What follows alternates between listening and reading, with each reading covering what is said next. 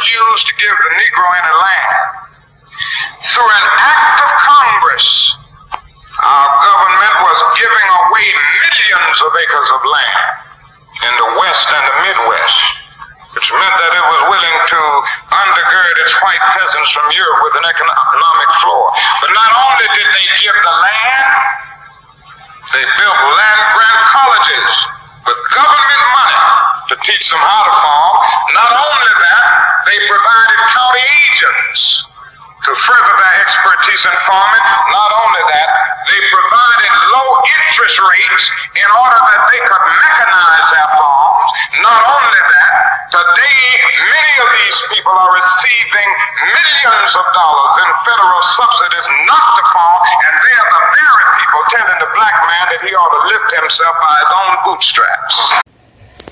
So, family, as you can see, this is J Mac coming to you live and direct from the great state of Texas with another podcast on the day that the white supremacists have decided to uh, celebrate Martin Luther King's birthday. Now, family, it was very significant that I played that for you guys so you could all see that Martin Luther King is not quite what the white supremacists say he is.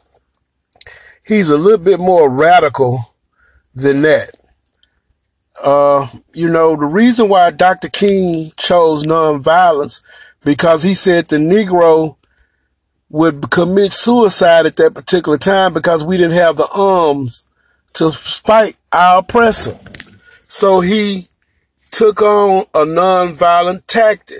But you never heard him say in any of his speeches, if the white folks attack you, you shouldn't protect yourself. He just said what he was doing was using a nonviolent tactic. That was pretty much it. That's what he used. That's what he believed, his philosophy. But he got a lot done with that philosophy. And what we have to do in the black media is start pointing out to our people Dr. King wasn't docile. He wasn't docile at all. He had a different way of doing things than Malcolm X did. Malcolm X was basically had went to prison, had had ran with a gang, uh, sold drugs, and he found the honor Elijah Muhammad in prison, and he changed his life. He had a different story than Malcolm. I mean, than Martin had, but both of them believed in helping black people. Both of them believed in helping black people.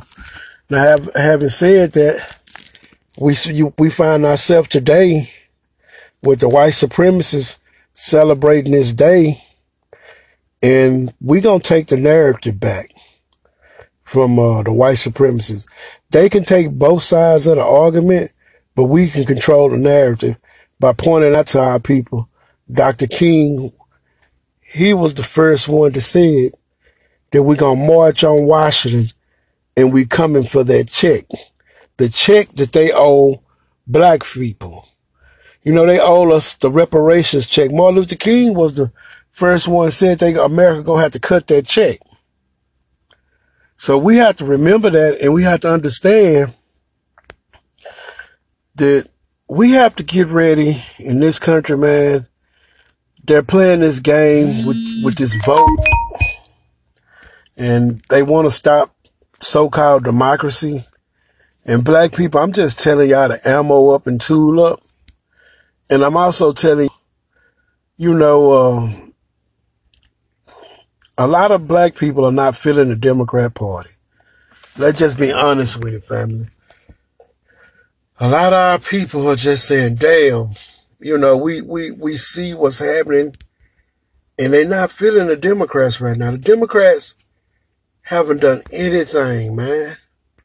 And the sad part about it, you got a lot of these white Edomites today on these different news channels are going to be talking about our brother, Martin Luther King Jr.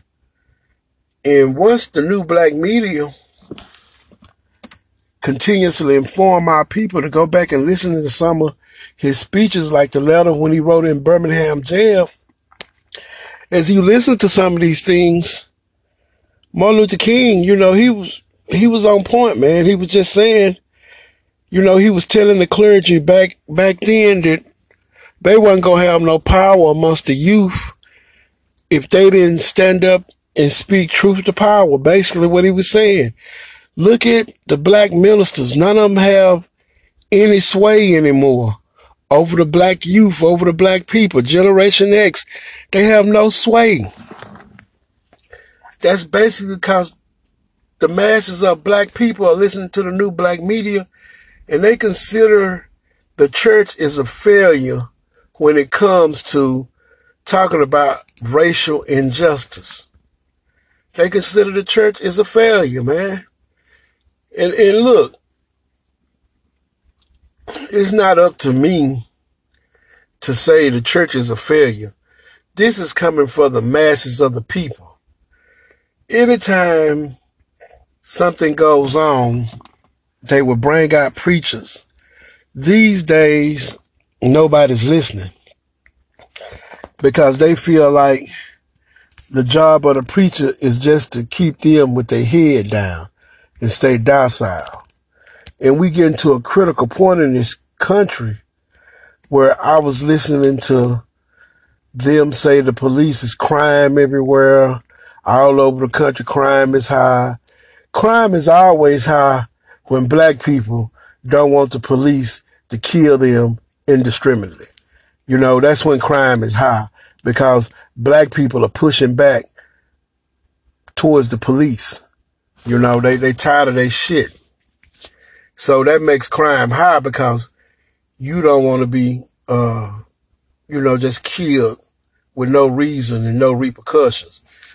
We have a brother out of North Carolina by the name of Johnny Walker. Mr. Walker was killed by a white supremacist police officer. And the police say that the man jumped on his truck. Eyewitnesses say that didn't happen. The police shot him down, shot him in his back. You have the police chief of North Carolina saying that, you know, no charges will be brought up against the police basically. And it, the story is not true. Family, once they actually can remove the right to vote, these are the things that they think they're going to get away with. I'm just going to say, study the Black Panther movement, study what happened to the groups that broke off from the Black Panther movement, how some of the groups went underground. I've been listening to other voices in the new black media, and they just been explaining a lot of stuff about what happened, making me dip in history and do some research. And hey, man, our people are not docile. It's a lot of brothers is about that life.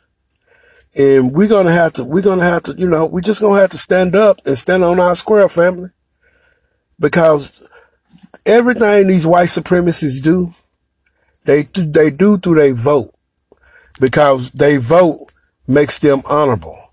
But you heard the Dr. Martin Luther King there say the federal government gave millions and millions of acres of land to these white peasants. You know, these fucking peasants that don't deserve anything, but tell the Negro to pull himself up by his bootstraps. Say, family, when these white folks talk that bullshit about, you know, they wasn't never gave anything, they had to work for it. That's for them to, you know, try to trick you. But you heard our brother Martin Luther King say, that's just not true. That's just not what happened. So, to speak truth to power, we coming for that check. One way or the other, the check gonna have to be cashed and their numbers are dwindling. They do not have the same numbers that they once have. The biggest uh, generation of whites are the baby boomer generation. Each generation after that was smaller. And with this opioid pandemic that's running through their community, because it is a pandemic in their community, it's called the opioid pandemic. And it's ravishing their ass. And keep in mind how they treated our people and flooded our people with crack cocaine. Just keep that in mind, family. And also keep in mind how the federal government and the CIA played a role in that. So when you see these commercials about America's gonna move forward and all that, America has never went forward. America has made some uh, token gestures like they have moved forward, but they haven't. They still the same racist ass country they always been. But black folks, we have to understand this is an economic fight. That's when they killed our brother Martin Luther King when he went to talking about economics. So you have to understand that we own to something. We own to something, family. We all speaking in one voice saying it's time for the check to be cut. You understand? It's time for the check to be cut. There's no sense in fearing the white supremacists. They gonna stay who they are. We're gonna have to stay who we are and speak truth to power. Now, having said that, we have made some progress but we got a long way to go with that progress. It's not always good to say we haven't made progress when we have. We have made progress. Thanks to Dr. King, we made a lot of progress. He helped get the uh, Voting Rights Act passed by Lyndon Baines Johnson. So we made some progress, but we got a long way to go. A lot of issues that they're talking about now, we shouldn't even be talking about that anymore because they have they should have been solved a long time ago, but they're not. And that's why the Congressional Black Caucus, the Immigrant Caucus, doesn't have any sway with the people. When you watch them and they marching on TV, it's not a lot of people participating in the marches because it seems to me that their words are hollow. And when the words turn hollow, nobody listens. Nobody listens. You can't continue to say that if you vote, you can change things. They've been telling our people for 60 years, if you vote, you can change things. But nothing never changed for the black man, woman, and child in this place they call America. You have white supremacists taking both sides of the argument, but we're going to take the narrative back from our brother, Martin Luther King, where they cannot use him and just pick out bits and parts of his speeches that they want to use. That's not going to continue to happen. Here in the new black media, we're going to control that narrative and ask our people to study Martin Luther King so you guys can see that he wasn't all about being docile. He just used nonviolence as a tac- tactic because he said the Negro didn't have the guns to fight back then. That just that just a fact. And he had a different way of doing things, family. Malcolm had a way of doing things and a way of talking, you know, and that's just what it is. So, having said that, family, look into our brother. Check him out. I'm going to be short with this podcast, but I thought I would say that. Think about some of the things we're going to have to do with this generation of black men and women to protect our families, to protect our children from these white supremacists. They saying a lot of things, family. But we were the ones marching in the street making things change. Remember, black folk was 2020 was a bad year for the white supremacists. Black people are on code. They trying to stay on code. And black people are basically just tired. If black people don't come out and represent for the Democrats, the Democrats are going to be slaughtered they know it. They know the issues for the black people. If you can get a corporations $22 trillion when this pandemic first started, take that same $22 trillion and let's get some payments out to black Americans, foundation black Americans. Let's get that done. We coming for the check, baby. So I want y'all to understand when you talking about economics, that's what they house of cards stand on. They white supremacist racist system stands on their ability to control the resources. If we are made whole in this country, they cannot compete with us. Because if they could compete with us, the, the playing field would already have been level. Look at how great our people are. Look at the nation that our people built called the United States of America. And we are still here.